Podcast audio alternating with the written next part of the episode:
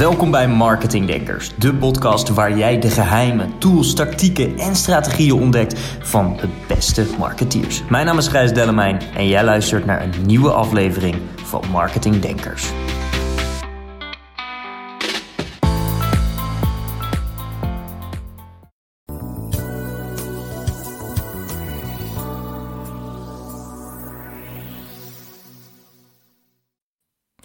Dames en heren, als je iemand om advies kon vragen, zou je het dan doen aan iemand die maar iets roept of aan iemand die echt een enorme bak aan ervaring heeft?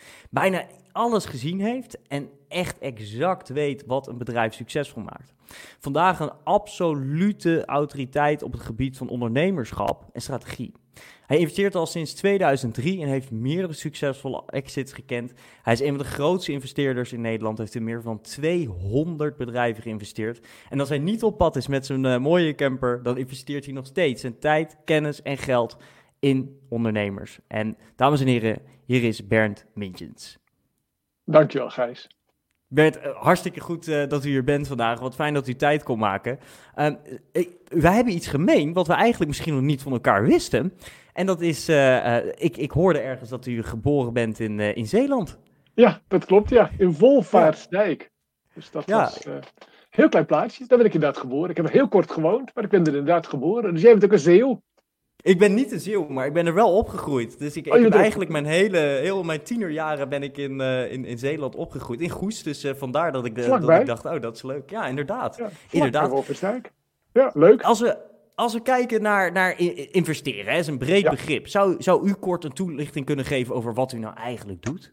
Ja, Kijk, uh, wat, wat ik doe, hè, dat is eigenlijk dat ik met mijn eigen geld, wat ik verdiend heb met mijn investeringen, investeer in jonge bedrijven dus vroeger heette dat investeerders, maar tegenwoordig heet het wel een business angel. En een, een programma waarin dat veel voorkomt is bijvoorbeeld Dragon's Den. Daar zie je een hoop van die mhm. business angels staan. En dat is eigenlijk wat ik doe. En dat doe ik al 25 jaar. Dus ik investeer met geld in jonge bedrijven. En als de bedrijven groter worden, dan probeer ik mijn aandeel weer te verkopen. Ja, ja dus, dus 200 bedrijven, dat is, dat, is al, eh, dat is al meer dan 200 moet ik zeggen. Dat is wel erg, erg veel. Um, een van de dingen die, die, die je wel eens hoort is start with the end in mind. Als je een bedrijf gaat bouwen, moet je dan eigenlijk weten waar je naartoe gaat? Of is dat zoiets van dat je denkt, nou... Nou, het is wel heel belangrijk dat als je begint met een bedrijf, hè, dat je al vrij snel besluit welke strategie je wil gaan voeren. En die end in mind, dat klinkt een beetje erg ambitieus. Hè? Een hoop jonge ondernemers hebben het al meteen over de exit. Maar het is wel heel belangrijk dat je al heel snel weet: hè, ga ik voor een waardestrategie of ga ik voor een rendementstrategie? Dat vind ik goed om het mhm. even uit te leggen, Gijs. Ja. Als, ik, als ik mag, hè. Kijk, een rendementstrategie, hè, een waardestrategie, dan ga je eigenlijk herinvesteren je alles wat je verdient met je bedrijf in het opbouwen van je mhm. waarde. Hè, bijvoorbeeld een merk of een bepaalde waardecomponenten zoals je kunt hebben als je een databestand opbouwt of een ledenbestand. En dan hoop je eigenlijk over een aantal jaren dat bestand, die waardecomponenten, te kunnen verkopen aan een groot bedrijf of een concurrent. Een rendementstrategie, dan probeer je eigenlijk al meteen rendement te maken, dus geld te verdienen. Dat is vaak ook een strategie die heel succesvol kan zijn. Kijk, je moet wel één van die twee kiezen. Een hoop jonge bedrijven die proberen beide. Die proberen en rendement te maken mhm. en hopen ooit nog eens een keertje gaan cashen. Maar dat is eigenlijk een hele slechte strategie. Eigenlijk is ondernemen vooral kiezen. Je moet kiezen uit bepaalde opties en die moet je consequent vol blijven houden. Ja, interessant. En, en als we dan kijken naar marketing. Hoe zou u het begrip marketing omschrijven als investeerder zijnde? Ja, ja marketing, hè, dat is eigenlijk heel simpel. Hè. Wij zeggen altijd maar zo, hè, je moet, als je moet pitchen voor een investeerder, dat is het volgende heel belangrijk. Hè. Dat is niet je product, dus wat je gaat doen. Hè, maar eigenlijk voor wie doe je het eigenlijk? Je doelgroep. Wie is je doelgroep? Voor wie? Wat is het probleem van die doelgroep? En wat is jouw unieke oplossing? En dan heb je eigenlijk marketing op drie bierveeltjes. Wat is de doelgroep? Wat is het probleem? En hoe communiceer je jouw oplossing naar die doelgroep toe? En hoe maak je duidelijk dat jouw oplossing beter is dan de oplossing van je concurrenten? Dat is marketing. Interessant. En, en als we kijken naar, naar eh, iets breder kijken, hè, van, van een percentage van omzet. Wat is er dan echt een vast iets waarvan u zegt: oké, dat adviseer ik om ondernemers terug te stoppen in het budget marketing? Of is, kan je dat niet zo zeggen? Ja, ja, dat kun je zeker wel zetten. Kijk, wij nemen dan vaak niet zozeer de omzet als, als ding, maar de bruto marge. Bruto marge is eigenlijk Mhm. veel belangrijker dan omzet. Je kunt heel veel omzet hebben, maar als je een hele lage bruto marge hebt, heb je nog niks. Hè? Dus we kijken altijd naar bruto marge. Als we naar bruto marge kijken, dan zou je van je bruto marge kun je eigenlijk verdelen in een aantal kostencategorieën. En dat is Mhm. personeel is vaak de grootste, of je eigen budget, dat is vaak 50%. En dan kijken we naar marketing, sales en marketing. Het zijn vaak saleskosten die je natuurlijk maakt om natuurlijk je doelgroep te bereiken. En dat kan Mhm. 20% zijn. Dus 20% van je bruto marge zou je in principe in sales moeten stoppen. Oké, interessant. En, en als we kijken naar een stukje paid advertising, hè? dus we zijn eh, fantastische platformen als Facebook en Instagram. Eh, dus Ja. een beetje eh, preken voor eigen parochie wat ik hier doe. Maar dat zijn geweldige, geweldige platformen. Als Ja. we kijken naar merken als Gymshark, Dollar Shave Club en talloze andere bedrijven die eigenlijk niks waren, niks zijn, letterlijk vanaf een, een, een zolderkamer begonnen zijn.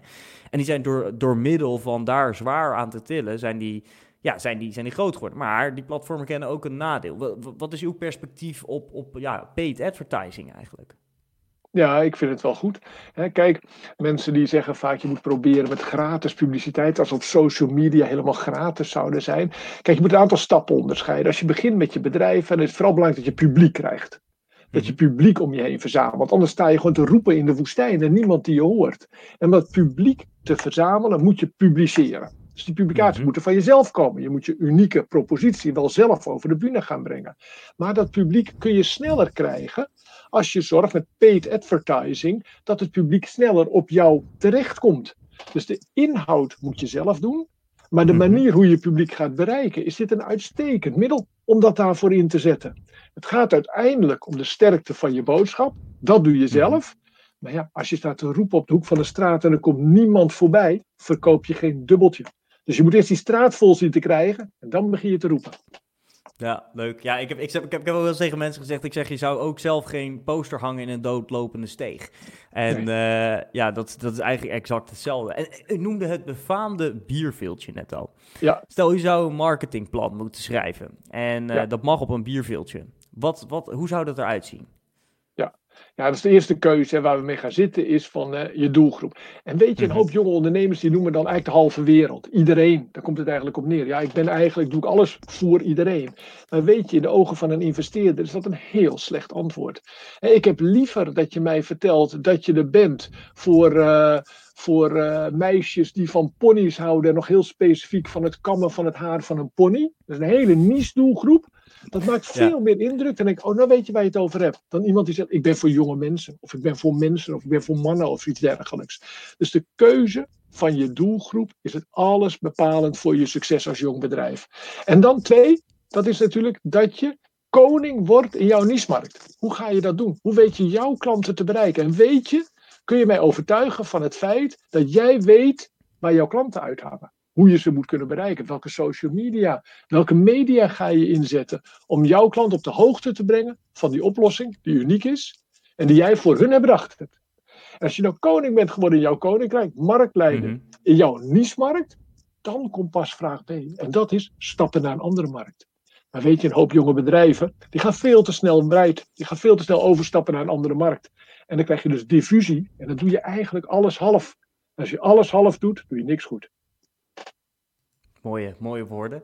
En eh, die marktleider, die koning worden. Heeft u een mooi voorbeeld van, van een van de bedrijven waar u geïnvesteerd heeft, die eigenlijk helemaal een nobody was in de markt en vervolgens eh, een, een aantal stappen heeft ondernomen en daarmee koning geworden is in die markt? Heeft u daar een mooi verhaal van? Ja, een mooi verhaal. Ja, kijk, het is altijd zo dat je een niche doelgroep hebt. En laat ik eens eventjes denken. Heb ik dat hier niet ergens liggen? Ik zal je een bedrijf, ik pak het er even bij. Mhm. Ik, ik, ik ben in een bedrijf gestapt drie kwart jaar geleden. Hè, en dat zat in de CBD-producten. CBD-producten. Ken je dat? CBD-olie. Ja. Hè, dat helpt voor een heleboel kwalen. Hè, en zij hadden die CBD-producten verpakt in een pleister. Dat werden dus CBD-pleisters. Dus het unieke was, je hebt een andere toedieningsvorm dan olie of een tablet. Mhm. Je hebt een pleister. Hè? Mhm. Toen zei ik, jongens, waar, waarvoor doen we dit eigenlijk? Ja, maar het helpt wel tegen, en zoek hem maar op op internet, 20, 30 klachten. Hè, Ja, tegen wat niet ja, eigenlijk? iedereen, tegen wat niet, soort haarlemmerolie. Hè, jongens, als we haarlemmerolie gaan, moeten gaan verkopen, dan hebben we een heel groot haar. Dat gaat ons niet lukken met het marketingbudget. Dus ik zei, weet je, we moeten een hele kleine niche-markt gaan pakken. En die moeten we gaan veroveren. En toen hebben ze lang nagedacht, hebben ook gewoon klanten gebeld. En hebben gezegd, jongens, van ons klantenbestand, wat is nou het meest voorkomende type? En dat bleken te zijn, laat ik eventjes zeggen, het profiel 60 plus vrouwen die slecht sliepen. Nou, als dat weet, dat het je misdoelgroep is, zeggen we, dan gaan we een jaar inzetten op die doelgroep. Dan gaan we dus een product verzinnen wat de oplossing biedt. En hier zie je dat product. En je ziet hier wat we daarvoor genoemd hebben. Kijk, dan noem je het ook anders. De nacht. He, zie je het staan? Dus dan de pleister Oh, ja. de nacht. Dus je maakt er ook een aparte verpakking en een aparte opdruk. En een apart product specifiek voor die doelgroep. En dan ga je dus ook die kanalen benaderen die die doelgroep bezoeken. Dus die eh, platformen en die communities waar die doelgroep is. Ja. En dat het ook nog helpt diezelfde pleister voor spierpijnen, ook voor sommige mannen dingen. Hè, voor een heel brede doelgroep is even niet interessant. Wij willen koning worden voor 60-jarige, hogere 60-jarige vrouwen die slecht slapen. En daar hebben we een oplossing voor. Pak die pleister en je slaapt goed. Als we daar nu marktleider zijn geworden, dan gaan we die andere markten pas doen. Dus het gaat vast om nee zeggen tegen andere markten, focussen op één markt en daar groot in worden. En, en dit is natuurlijk een moeilijke vraag, want ik vind dit een mooi verhaal, maar dit is natuurlijk een lastige. Maar ik denk dat er een hoop ondernemers kijken en luisteren die zoiets hebben van ja, dat is leuk, maar hoe weet ik nou dat ik dan die goede keuze maak? Want een jaar Ja. committeren om op Ja. één niche all in te gaan, hè, want ik, ik begrijp het heel goed. Ik heb, ik heb dit, is echt, dit is echt waar. Ik kreeg, gisteren kreeg ik een, een nieuw scheerapparaat binnen. Ja. En eh, eh, ik moest enorm lachen, want die, die, die, die, ja, die, die productverpakkingen zien er briljant uit. En dan stond er links onderin, stond er Made with German Technology. En ja, dat marketinghoofd van mij gaat nooit uit. Toen dacht ik, dit is compleet irrelevant. Maar ik weet dat ze dit doen, omdat ze weten hoe dit mij als consument laat voelen. Ik denk, oh, dat is Duits, zal wel goed zijn. Ja, ja, ja. Ehm, eh, dus ik moest heel erg lachen. Maar als ze dat, dat vertalen naar, naar, naar eh, ondernemers om, om een jaar lang all in te gaan, vooral als je nog relatief starter bent met je bedrijf, hoe, hoe filter ik nou uit? Tussen alle bierfilters die ik die avond al geschreven heb, zullen we maar zeggen. Ja, ja het is, wat ik trouwens bij starters altijd doe, dat ze met 100 dagen plannen werken wij. Dus wij werken eigenlijk met vier keer 100 dagen in een jaar. Dus je gaat all out voor 13 weken. Dus niet voor een heel jaar, dat was vroeger zo. 13 weken ga je all in voor één segment. Hoe selecteer je? En dat begint eigenlijk met je doelgroep komt bellen, vragen. Dus als je denkt, dit is mijn doelgroep, dan ga je dus een keertje 20 bellen. Ga je eens een interview houden. En dan kijk je eigenlijk van, heb ik dezelfde taal? En wat is eigenlijk de woorden die zij gebruiken? En dan is het gewoon kiezen. Soms inderdaad zit ik met ondernemers aan een tafel. En dan zeggen ze, ja, ik heb drie doelgroepen. Ze zijn allemaal even dierbaar, allemaal even goed. Nou, ik zeg, jongen, het maakt mij niet uit als we op een dobbelsteen. We gaan 13 weken maar één doen. Want we wilden er Ja. één veroveren. En weet je, het is ontzettend belangrijk, die focus hoor. Want doe je dat niet, hè, wat je heel veel ziet bij jonge ondernemers, is dat ze halverwege dat ze met iets begonnen zijn, dat ze een andere kant Mhm. zien. Of er komt iemand voorbij en zegt, maar dat, dat is ook goed, dat is ook een goede markt voor je. En dan switchen ze. En als je te vaak switcht, dan ga je zwabberen. En als je zwabberen, dan val je om. Dus blijf nou steady door, rechtdoor fietsen. Hou vol, Mhm. 13 weken is het overzien. En na 13 weken evalueren we. En als we zeggen, we hebben de targets niet gehaald, hebben wij geen deuk in een pokje, bakje boter. Ja, oké, dan hebben we dat verloren. En dan kiezen we iets anders. Want dat is eigenlijk wel het geheim van succes, is wel volhouden, focussen, meten. En uiteindelijk transparant weergeven of je het gehaald hebt of niet voor jouw team. En dan kun je winnen. En dan win je, dan ben je de koning in jouw koninkrijk. Of je kunt falen en dan begin je opnieuw. Maar eigenlijk leer je het meest van falen. En als je niet kiest, kun je ook nooit falen. En nu noemde het cijfers. Hè? Eh, eh, ja, ik denk dat alle marketeers die luisteren en ook ondernemers die weten, je moet eigenlijk sturen op cijfers. Het verrast mij Ja. eigenlijk nog hoe vaak dat niet gebeurt, vooral binnen marketingafdelingen. Ehm, eh, wat, wat, wat zijn vanuit uw perspectief nou echt cijfers die ertoe doen op marketingvlak? Ik bedoel, Ja. want eh, we leven wel in een tijd waar we alles kunnen meten. Hè? Facebook, Instagram. Ik kan, als er advertenties draaien, kan ik nog net niet zien wie, wie, eh, waar iemand deze post zit. Ja, tot op zekere hoogte kan het zelfs ook nog. Maar je kan bijna alles meten. Wat zijn nou KPI's waarvan u als investeerder zegt... dit zijn echt essentiële zaken die je op marketingvlak bij moet houden? Ja, ik ben natuurlijk niet echt een marketing-expert, hè, maar Nee. wat ik wel heel belangrijk vind, hè, dat zijn cijfers waarmee je wat kunt. Bijvoorbeeld, Mhm. ik heb wel eens ondernemers die zeggen, ja, ik ga kijken hoeveel volgers ik heb op LinkedIn. Ja, dan zeg ik, ja, daar word ik niet warm of koud van. Hoeveel volgers je hebt op LinkedIn, weet je. Dat is allemaal leuk en aardig. Wat ik wel belangrijk vind, is bijvoorbeeld, hè, wat ik heel vaak zeg tegen ondernemers, hè, heb je een soort uh, gratis product wat je weggeeft. Zo'n zo, zo weggeefproduct. En als mhm. mensen dat willen krijgen, moeten ze in ieder geval een e-mailadres en een naam achterlaten. Dat is het begin. Weet je, mensen moeten een stap durven zetten. En dat gratis mhm. product, dat is dan één, dat vind ik nog steeds niet zo belangrijk. Maar dan vind ik het tweede product wat je daarna brengt, is het product waarvoor de, onder, de klant de beurs moet trekken. De eerste keer dat een klant iets betaalt aan jou, geld moet overmaken om iets te ontvangen, hoe klein het mhm. bedrag dan ook maar is, hè, dat mhm. is een prima meetinstrument. Daar word ik blij van. Hoeveel mensen zijn bereid om, is het maar een paar euro, in jou te investeren? Want uiteindelijk, hè, geld bepaalt wel keuzes. Dus gratis heeft geen waarde. Je kunt eindeloos gratis dingen weggeven en mensen zullen het altijd gebruiken, zullen enthousiast zijn, zullen ook wel reviews willen geven. Maar als van die gratis mensen niemand bereid is om maar 1 euro op jouw rekening te storten, dan word ik niet blij. Dan zegt het me eigenlijk niks. Dus voor mij is een KPI de eerste keer hoeveel mensen bestellen de eerste keer wat bij jou. En dan natuurlijk de herhaal aankopen. Dat zijn natuurlijk ook tweede cijfers die je daarna gaat meten. Maar voor een startend bedrijf is het eerste meetinstrument dus heel belangrijk. Hè? Het aantal keren dat er geld overgemaakt wordt op je rekening. Dat is ook iets hè, wat we moeten meten en waar we blij van worden. Dus vaak is dat een target voor het eerste of het tweede 100 dagen plan. Heel gaaf, want wat eigenlijk schets hier noemen ze in de marketingland in Amerika een tripwire funnel. Dat betekent eigenlijk dat je dat gratis weggeeft en dan eh, op het moment dat iemand iets gratis heeft ontvangen, direct een paginaatje te zien krijgt, hey koop iets 27 euro of 7 euro of zo. Maakt ook, en, eh, en dat heeft ook een groot psychologisch effect inderdaad, zodat die relatie verandert van bezoeker naar klant. En ja, uh, ja dus dat is heel leuk om te horen. En dat vind ik een leuke brug, leuke brug eigenlijk, want... Um, we leven in een, een, ja, we kunnen op zijn minst zeggen een beetje aparte tijd. En de online cursussen, online seminars, webinars, masterclasses, verzinnenbaar, die schieten met paddenstoelen de grond uit en daarbij ook betaalde. Wat is uw, uw kijk op online trainingen? Ja, ja, wat je natuurlijk zag de afgelopen maanden, dat was eigenlijk dat een hoop mensen die eigenlijk betaald live dingen deden, opeens mhm. datzelfde product gratis gingen aanbieden via internet. Dat viel me echt op. En dat is eigenlijk, hè, ontkracht je daarmee de waarde van je inhoud. alsof een ander distributiekanaal opeens rechtvaardigt dat het gratis moet zijn. dus die keuzes heb ik nooit zo begrepen. Je ziet nu ook wel recentelijk dat de meeste bedrijven daar echt wel van terugkomen. Omdat ze uiteindelijk wel mhm. zien dat ze wel veel volgers hebben of veel gebruikers. Maar ja, het levert je natuurlijk geen cent op.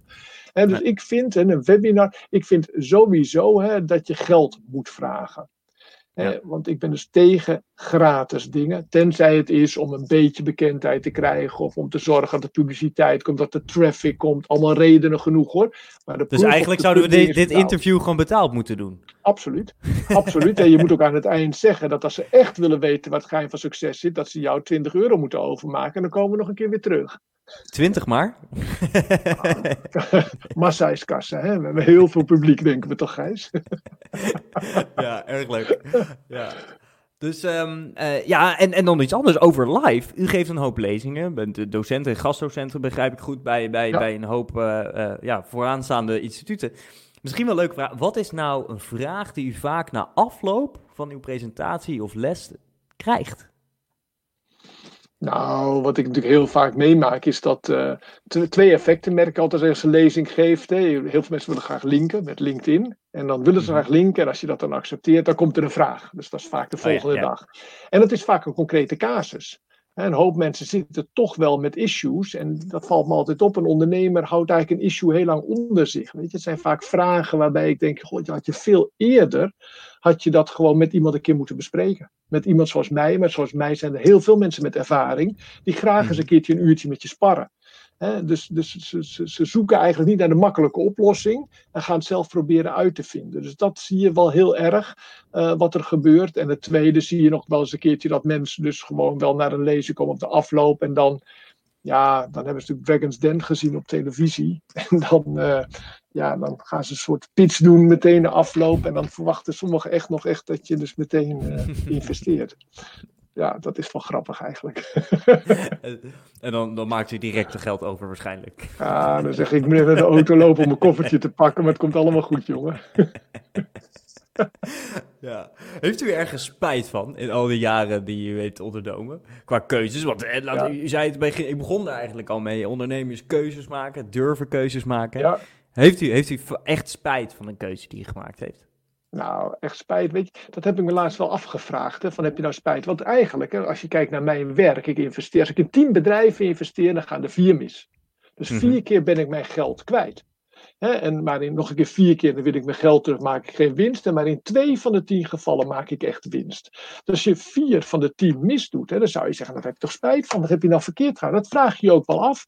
En toen vroeg iemand mij, zou je het weer precies hetzelfde overdoen? Zou je nou weer diezelfde keuzes maken?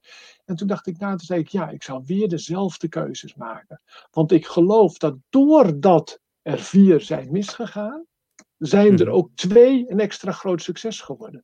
Geen ondernemer kan zonder falen. Geen ondernemer die succesvol is, die moet je maar eens een keer vragen, is niet ooit een keertje gefaald. En misschien al dat falen bij elkaar maakt hem wel een sterkere ondernemer, of in mijn geval een sterkere investeerder. En omdat je mhm. die sterkte hebt gedaan, kun je ook investeren in successen en word je ook een succesvol ondernemer. Dus heb je spijt? Nee, want spijt zou betekenen dat ik het anders zou doen. En dat wil ik gewoon, dat moet je gewoon niet doen. Want je hebt er zoveel van geleerd, wat daardoor je een succes bent geworden. Dus dat is wel belangrijk voor ondernemers. Hè. Ik zeg altijd tegen ondernemers die beginnen: faal. Faal. Ga gewoon misluk. Hè, de eerste keer misluk. Het is allemaal niet zo erg. Het is een kleine kans dat het gelukt, maar het is niet erg als je mislukt, want je komt er sterker uit. Je wordt een sterker ondernemer in de tweede ronde. Dus faal is eigenlijk het devies. Mooi, mooi, mooie, mooie woorden wederom. En eh, ja, u heeft natuurlijk, uh, laat ik het zo zeggen, ik, ik, ik, ben zelf een voorstander van de, de, de volgende zin, dat is mindset plus actie is succes. Um, nou ja, u heeft natuurlijk enorm veel, veel actie ondernomen de afgelopen, ja, weet ik veel hoeveel jaren ondertussen wel niet. Is er nou op een gebied van mindset een aantal dingen waarvan u zegt, buiten het faalaspect om, dit is nou iets, een boek, dat eigenlijk elke ondernemer of misschien zelfs marketeer zou moeten lezen, misschien wel elk mens? Oh ja. Oh, wat een mooie vraag. Ja, welk boek zou je moeten lezen? Dat is nog wel aardig. Ik zit nu even te kijken in mijn boekenkast. Ik moet natuurlijk weer razendsnel nu een antwoord verzinnen. Maar ik heb laatst een boek gelezen, maar hoe heet hij nou ook alweer? Over uh, hypnose. Een mhm. heel mooi boek over hypnose. Ik wil even op zijn naam komen, maar dat kun jij voor mij vast wel even uitvinden. Het Hypnose Instituut Nederland. Hij heeft een boek geschreven wat me erg, erg trok, wat ik erg, erg waardevol vind. Dat gaat eigenlijk niet zozeer over hypnose als kunstje, maar dat gaat eigenlijk hoe je hypnose, dus het positief beïnvloeden van je geest, kunt inzetten om mhm. bepaalde beslissingen beter te nemen. En toen dacht ik, ja, dat is natuurlijk wel zo. Je kunt je geestelijk toestand zodanig manipuleren dat je daardoor scherper wordt of dat je daardoor betere keuzes gaat maken. Dus dat vond ik een hmm. heel boeiend boek. Ik vond het een hele mooie theorie, omdat ja, mijn beeld van hypnose was toch een soort goochelaar op een podium en mensen die rare kunstjes deden. Maar ik ben er heel anders tegenaan gaan kijken. Het is eigenlijk het beïnvloeden van je geest met eigenlijk vrij eenvoudige middelen. Dus dat was een heel mooi boek. En jij gaat vast ergens op jouw blog nog schrijven hoe dat boek heet en waar ze dat kunnen krijgen. Maar dat moeten we even nog even nazoeken. Nou, ik zou, ik zou liegen als ik het ondertussen, terwijl u aan het praten was, nog niet had ingetikt. Dus uh, Edwin Selei, die heeft dat boek geschreven. Dus van uh, Hypno Hypnose Instituut Nederland. En wat mij heel erg opvalt aan uw antwoord, en, en misschien enigszins verbaasd, is dat ik vorige week hoor ik, of werd ik geattendeerd tot feit, het favoriete boek van J, Steve Jobs. En menig mens zou denken dat het een, een, een, een boek was waarin men uh, schrijft over business of in marketing, even met, met, met mooie termen gooien. Um, maar het grappige was dat een van zijn favoriete boeken was van een yogi.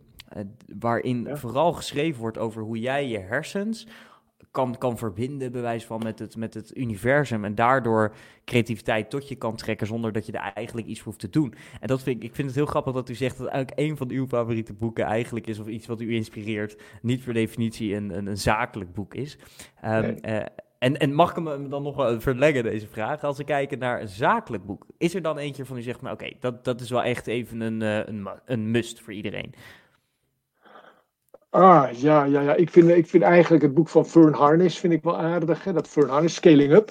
Mhm. Hij is toch een Amerikaan die uh, op heel eenvoudige wijze een aantal methoden beschrijft hoe je kunt, uh, kunt opschalen als bedrijf. Dus eigenlijk bedoeld voor, voor bedrijven die al een jaar of drie, vier bezig zijn. En die eigenlijk de volgende fase moeten maken, eigenlijk van 2 naar 10 personeelsleden of van 1 miljoen naar 10 miljoen. Ja. En hij heeft daar wel hele zinvolle dingen over gezegd. Dus dat vind ik ook wel scaling up for een harness. Leuk, leuk. Ja, ik, heb heel toevallig een paar weken geleden van iemand gekregen. Wat mij heel okay. is dat de Rock, Rockefeller habits daar uh, best wel in, uh, naar voren komen. Ja. ja dat zijn natuurlijk wel mensen waarvan uh, we wel iets van kunnen zeker. leren. Ja, Erg leuk. En, en als we kijken naar het bouwen van teams, hè, dus bijvoorbeeld het bouwen van, van een succesvol marketingteam. Want als investeerder zijn, dan kijkt hij natuurlijk niet alleen naar de pitch. Hè. Het is natuurlijk een groot gegeven dat mensen vooral kijken naar, uh, misschien zeker naast, maar die indruk heb ik, dat mensen vooral kijken naar de persoon als de cijfers kloppen, als de pitch klopt. Uh, maar niet alleen de persoon, denk ik. Het is waarschijnlijk ook een team. Of zit ik daarnaast? Ja, ja je moet eigenlijk een onderscheid maken tussen de ondernemer en zijn team. Als investeerder kijken we vooral wie is de kapitein. Mm En dat zie je dus ook wel eens een keertje als mensen een bedrijf. Een hoop mensen beginnen een bedrijf met z'n tweeën of met z'n drieën, vennootschap onder mhm. firma. Dat is niet een goed teken. Want dan eigenlijk zegt dat iets over jezelf. Dat zegt niet iets over dat je wil delen, maar dat zegt iets over je dat je niet alleen de verantwoordelijkheid wil dragen. Dus wij zeggen altijd, als we met twee of drie zitten, hè, dan zeggen we altijd van wie is hier de kapitein? Wie stuurt dit schip eigenlijk? En als niemand de kapitein is, dan doen we het gewoon niet. Dus daar moet je een onderscheid doen. Eén kapitein en dan moet je een team hebben, de hele bemanning. En bij de mhm. bemanning is het wel belangrijk dat het in balans is. Dus je moet een goede kapitein hebben, je moet een goede tweede man hebben, je moet een goede organisator hebben hè, en je moet dus een goede manager hebben dat zijn wel de karakteristieke rollen. Want de ondernemer zien we als de entrepreneur, de beginner die het groot moet gaan maken, de enthousiasteling die vooruit loopt, hè, mhm. die ook de salesfunctie goed moet beheersen. Dan zien we mhm. dus eigenlijk de, in het team de tweede man, dat zou eigenlijk de manager moeten zijn, de organisator, die het team eigenlijk in balans brengt en die zorgt dat het intern goed gaat lopen. Dus dat vind ik wel een belangrijke samenstelling van een team. Maar er moet er maar één de baas zijn. Ja, ja. Helder. En, en als we iets breder kijken, we, stipten het net al even aan, de, de, de gekke tijd om het zo te noemen waar we in zitten. Zijn er zaken waarvan u zoiets heeft van, nou, dit zijn wel industrieën die nu juist mijn aandacht hebben? Ja, ja zeker. Hè. Kijk, dan, uh, dat is natuurlijk waar je als investeerder naar kijkt. Ik krijg nu heel veel proposities, natuurlijk ook van gevestigde mhm. bedrijven waar het gewoon nu niet goed mee gaat. En dat krijgen al mijn collega's ook. En dan zullen mensen zeggen, nou je moet nu toehappen. Maar dat zullen we nu niet doen. Maar na de zomer wel. Want weet je, je weet niet precies waar dit naartoe gaat natuurlijk. En wanneer het, het, uiteindelijk de beste manier is om in te stappen. Dus al een soort. Kijk, altijd als er verandering is, zijn er kansen. En er zullen nu, de komende half jaar, het komende jaar, zullen er een hoop nieuwe bedrijven opstaan. Met een nieuwe manier, een nieuwe innovatieve manier om die klanten te bereiken. En die zullen weer groter worden. Alles wat, mhm. wat weggaat, komen anderen voor in de plaats. Waar je natuurlijk mee wil doen, is met de anderen. Je moet natuurlijk meegaan met degene hè, die, uh, die de nieuwe ideeën in de markt gaat zetten. Dus je moet even afwachten. Deze zomer wordt voor ondernemers denk ik zwaar. Mhm. juli, augustus, september, dat zijn echt rotmaanden voor de meeste ondernemers. En dan mhm. eigenlijk gaan we de balans opmaken in oktober. En dan gaan wij als investeerders heel goed kijken naar wie, welke ondernemer heeft wel de switch kunnen maken, of heeft de switch nu voorbereid, maar heeft nu niet de liquiditeit om dat ook te kunnen aan uitvoeren. Want het is vaak cash is king en wij hebben dan de liquiditeit. En we stappen in bij die ondernemer met een goed businessconcept, een goede mhm. move, die heeft bewezen deze crisis te hebben doorstaan, die weer opnieuw wil beginnen en die de liquiditeit mist. Dus oktober, december, dat worden de maanden om in te stappen. Oké, interessant. En, en u noemt eigenlijk een, een soort seizoenen. Hè? Als, als we in marketing kijken, eh, overduidelijk, hè? Eh, vooral in bepaalde industrieën, overduidelijk seizoenen waarin uh, bijvoorbeeld retail, kleding, hè? het zijn natuurlijk maar een paar seizoenen waar een paar weken eigenlijk, waarin de meeste, meeste cash verdiend wordt, weet ik dan. maar eigenlijk is dat in elke, elke marketing strategie zit er seizoenen in. Is dat in, in, in zaken doen volgens u ook? Dat er seizoenen zijn, hè? wat minder seizoenen en wat betere seizoenen? Ja, absoluut. Kijk, voor ons als investeerders zeker. Hè. We krijgen de meeste plannen gewoon. De, de, de jonge plannen krijgen we het meeste binnen in het voorjaar. Hè. En in het najaar dan komen de gevestigde ondernemers. Dus er zit een seizoen in. Dat heeft alles te maken met in het najaar. Dan hebben ze vaak na de zomer overleg gehad met hun boekhouder, hun accountant. maken ze de balans op. En dan gaan ze toch zeggen, nou jongens, hoe gaan we nu dus verder? En jonge Mhm. mensen, ja, die hebben op een of andere wijze is dat het nieuwe jaar, dat nieuwe begin, de lente is de periode voor nieuwe plannen, nieuwe pitches, nieuwe ideeën. Dus voor onze investeerders hebben het absoluut een seizoenspatroon. Alleen je ziet dus nu wel dat het seizoenspatroon iets wat verstoord is, omdat er gewoon ja, de Mhm. nieuwe plannen eigenlijk eh, een tijdje ophouden. Dus eh, dat Ja. moeten we nog afwachten wanneer dat begint. Ja, ja en, en al- als we kijken naar eh, de, de, de- als, stel ik ben ondernemer en ik heb een bedrijf, het gaat gewoon goed, het rijdt lekker en, en u noemde net al een fantastisch boek Scaling Up. Ehm, wat is volgens u nou eigenlijk nummer één tip? Dat als ik gewoon om, om, omzet draai, het gaat goed, mijn team staat, mensen zijn blij met mij te werken. Eh, misschien voel ik me een beetje bezwaard om het te zeggen, maar het gaat eigenlijk ondanks deze tijd wel goed met de business. En Ja. ik wil een volgende stap zetten. Wat is dan het eerste waar u naar kijkt? Nou ja, dan moet je, als het dus goed gaat met je business, hè, dan vind ik het tijd worden voor een gesprek dat je eens een keer van jezelf een spiegel moet voorhouden. En moet kijken, ja, waar wil ik over drie tot vijf jaar staan? Hè? En stel je voor, je wil dus eigenlijk zeggen, nou, het gaat eigenlijk uitstekend, hè, maar ik, ik ga wel Mhm. richting een exit. Ik wil eigenlijk wel een keertje dit bedrijf verkopen, omdat ik nog Mhm. tien andere ideeën heb, of omdat ik denk dat de energie eruit gaat, omdat ik het wel gehad heb, ik allemaal mogelijkheden verkend. Dan is dit een heel goed moment om te gaan werken aan een positie buiten je bedrijf. Dus dan is eigenlijk, je ongeveer drie jaar nodig om je als ondernemer, als oprichter, misbaar te maken. Dus langzamerhand buiten het bedrijf te gaan staan. En dat verhoogt gewoon je exitmogelijkheden en ook je exitopbrengst. Als je zelf geen deel meer uitmaakt. Dus dan ga je een strategie maken, een exit-strategie, om er langzamerhand uit te gaan. En dan denk je, nou, het loopt toch eigenlijk wel lekker, waar maak ik me nou druk om? Hè? Maar dat moet je voor zijn. Hè, want ook het verlaten van je bedrijf duurt eigenlijk langer dan het bedrijf tot een succes maken. Dat onderschatten ondernemers altijd. Hè, een, succes maken duurt een paar jaar en is het een groot succes geworden. Maar het verlaten van je bedrijf en het goed verkopen van je bedrijf kan ook wel drie tot vijf jaar duren. Terwijl de meeste ondernemers denken, nou als ik dat nu bedacht heb, heb ik het eind van het jaar wel verkocht. Ja, misschien heb je het dan wel verkocht, maar voor een slechte prijs en een slechte opbrengst. Dus daar moet je ook eens een keertje zaak van gaan maken, om na te denken over drie tot vijf jaar. Interessant, interessant. En als we kijken naar een stukje, stukje ja, we moeten dat de verkoop slash marketingstrategie noemen in een exit. Ik heb wel eens een verhaal gelezen, ik, ik weet niet meer van wie het was, maar volgens mij was het van een schoenenmerk. Ehm, en die, die paste iets toe en ik vond het erg grappig. En dat was namelijk dat wanneer zij in een soort sales traject zaten, er waren twee concurrenten. En eh, wat zij deden was dat zij bij de, de grootste concurrent hadden zij heel erg getarget. Hadden ze overal waar die man, hadden ze gewoon zijn, de, de CEO van het bedrijf. Dus de golfbaan, de, zijn huis, hadden ze op al die plekken hadden zij billboards gekocht. Bij iemand die potentieel dat bedrijf ging kopen. En op die manier zorgden zij er dus voor dat ze constant onder de aandacht waren van de partij die hun eventueel ging kopen. Dus die was constant in, in de framing van hey, het gaat wel echt bizar goed bij het bedrijf. Heeft u misschien een voorbeeld van zoiets of is dit gewoon een leuk fabeltje?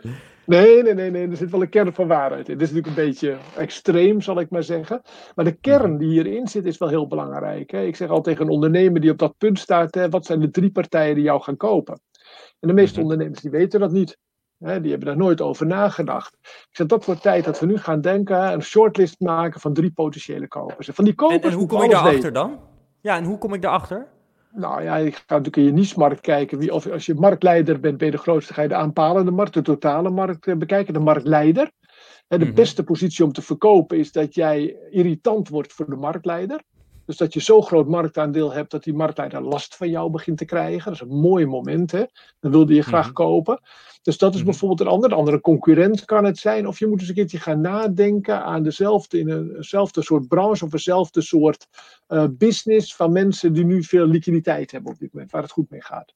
Eh, maar wat belangrijk is, dat we een shortlist maken van drie, eh, drie potentiële kopers. En dat we dus weten wie zijn de beslissers bij die potentiële kopers. En daar maken we een profiel van. Daar moet je dus alles ook van kennen. Hè, En dan is het dus zaak dat je zelf niet alleen linkt met diegene, want dan valt het natuurlijk erg op, maar dat je dus een tussenschakel inschakelt. Als ik bijvoorbeeld als investeerder aan boord ben, dan heb ik vaak de rol bij een exit, als we willen gaan verkopen, om dat contact te leggen. Daar heb ik ook de legitimiteit voor, dat ik weet dat het die en die is die een potentiële koper is. En dan zorg ik ervoor dat ik diegene een paar keer tegenkom op een congres of op een netwerkbijeenkomst. Of dat ik link met hem via LinkedIn en een praatje begin.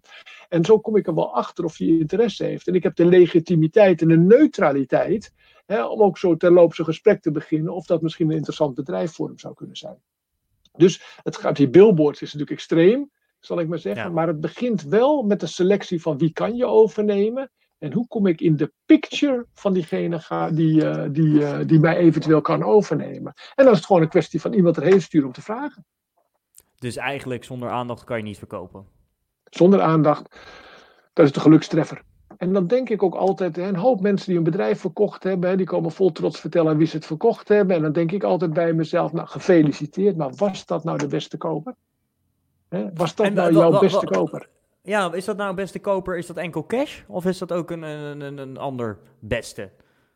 Oh nee, het, hoeft niet alleen geld te zijn, maar ook best als totaalpakket. Hè? Dus de rol die ze hebben, de toekomst van het bedrijf en dergelijke dingen. En dat totale pakket, hoe de voorwaarden er precies uitzien, dat is altijd per geval uh, heel verschillend. Maar waar het om gaat, de beste koper, betekent dat er ook misschien anderen zijn. Die hebben nooit van deze koop geweten. Die hebben nooit geweten dat er een kans was. En wat heb je dat mm. voorbij laten gaan? Want die hadden misschien nog wel een beter pakket kunnen, kunnen bieden dus, dus, dus verkopen van je bedrijf moet je eigenlijk trekken voorbij het stadium van toeval en voorbij het stadium van het is me overkomen. ga bewust dat proces in en zorg ervoor dat je bewust een adviseur naast je hebt die je dat hele proces begeleidt. Interessant. En wat, wat is uw visie op? Want u noemt een paar keer al uh, mensen om je heen verzamelen, even heel plat. Um, Vooral in die processen. Maar is dat ook iets wat u sowieso ondernemers zou aanraden? Want ik sprak een tijdje geleden een, een, een ondernemer en die, die had nog niet echt een, een enorme multinational. Maar eh, die was wel, die had een hele duidelijke visie. En die zei tegen mij, ja, Gijs, ja, maar zeker, ik heb een eigen raad van bestuur om me heen verzameld. Of sorry, raad van advies van echt ervaren ondernemers. Wat is uw, wat is uw kijk daarop? Ja, ja, ja, ik vind dat je heel veel kunt leren van mensen met ervaring. Hè? Dus mhm. dat moet je in ieder geval nooit voorbij laten gaan. Hoe je het organiseert is een tweede. Hè? Je moet niet te veel formele dingen optuigen. Dat heeft niet zoveel zin. Dus met commissarissen gaan werken en een formele positie gaan geven. Of een deel van je aandelenpakket gaan afstaan aan je adviseurs. Dat raad ik eigenlijk wel af. Maar ik denk dat een hoop mensen met ervaring best bereid zijn om een paar keer met je te sparren ik doe dat zelf ook. Ik spar met een hoop ondernemers, waar ik eens keer één keer per kwartaal langskom. Dan ga ik een uurtje met ze zitten. En dan neem ik gewoon het bedrijf door. En ik zeg, ik heb de rol van de investeerder. Ik investeer niet in je bedrijf. Dat is niet de bedoeling. Dat hoeft ook helemaal niet. Maar ik mm gedraag mij als een investeerder. Dus ik zit wel op die stoel. En net zoals ik doe bij mijn eigen bedrijf waarin ik investeer, zeg ik je dus ook wat ik niet goed vind gaan. En wat ik anders zou doen. En luister daar nou eens een keer een uur, een anderhalf uur naar. En, en zie wat je ermee doet. En kijk wat je er kunt oppikken en wat je ten bate van jezelf kunt gebruiken. Maar doe niet te veel alleen. Dus verzamel ervaring, geef het een rol, luister mhm. naar en beslis zelf als ondernemer. Dat moet je wel doen. Interessant, interessant. En uh, als allerlaatste vraag aan welke vraag is de beste die u ooit gesteld is? welke vraag is de beste die mij ooit gesteld is? Ja, dat vind ik wel een, uh, een lastige. Dat, uh, welke vraag is de beste vraag die mij ooit uh, gesteld is? Ja, ik denk eigenlijk de beste vraag die mij ooit, die mij nog regelmatig gesteld wordt, maar wat ik nog steeds een hele goede vraag vind van een jonge ondernemer is: wilt u een keer een kopje koffie met mij drinken? Dat vind ik eigenlijk nog steeds. Dat hoop ondernemers durven het niet. Een hoop jonge ondernemers die hebben daar angst voor. Maar jongens, schiet gewoon een ervaren iemand aan en vraag gewoon om een kopje koffie. Jij betaalt de koffie en ik spendeer 30 minuten met jou. En je kijkt wel wat je ermee opschiet. Dus eigenlijk is dat nog steeds de basis. Gewoon vertrouw die ander en vraag gewoon wat je graag wil weten. Gaaf, gaaf. Ik wil u hartelijk danken voor uw tijd, uw aanwezigheid en uh, alle waarden die u de wereld ingeslingerd heeft uh, via, via LinkedIn en YouTube of Spotify als je terugluistert. Um, dus, dus heel veel dank daarvoor. Um, uh, hopelijk tot snel weer, want uh, u heeft enorm veel kennis uh, waar, waar ik denk een hoop mensen van graag willen leren. En ja, ik vind het. er zijn ondertussen hele leuke reacties binnengekomen van Nick en Christian. Die zeggen prachtig en erg interessant, zegt Elmar. Dus erg leuk dat te zien dat het zo ontvangen wordt. Um, voor nu wil ik u nogmaals bedanken. En mocht je nog niet geabonneerd zijn op Marketingdenkers, ga naar marketingdenkers.nl. En dan zie ik je snel weer. Meneer Dankjewel. Een hele, hele fijne dag vandaag. Jij ook.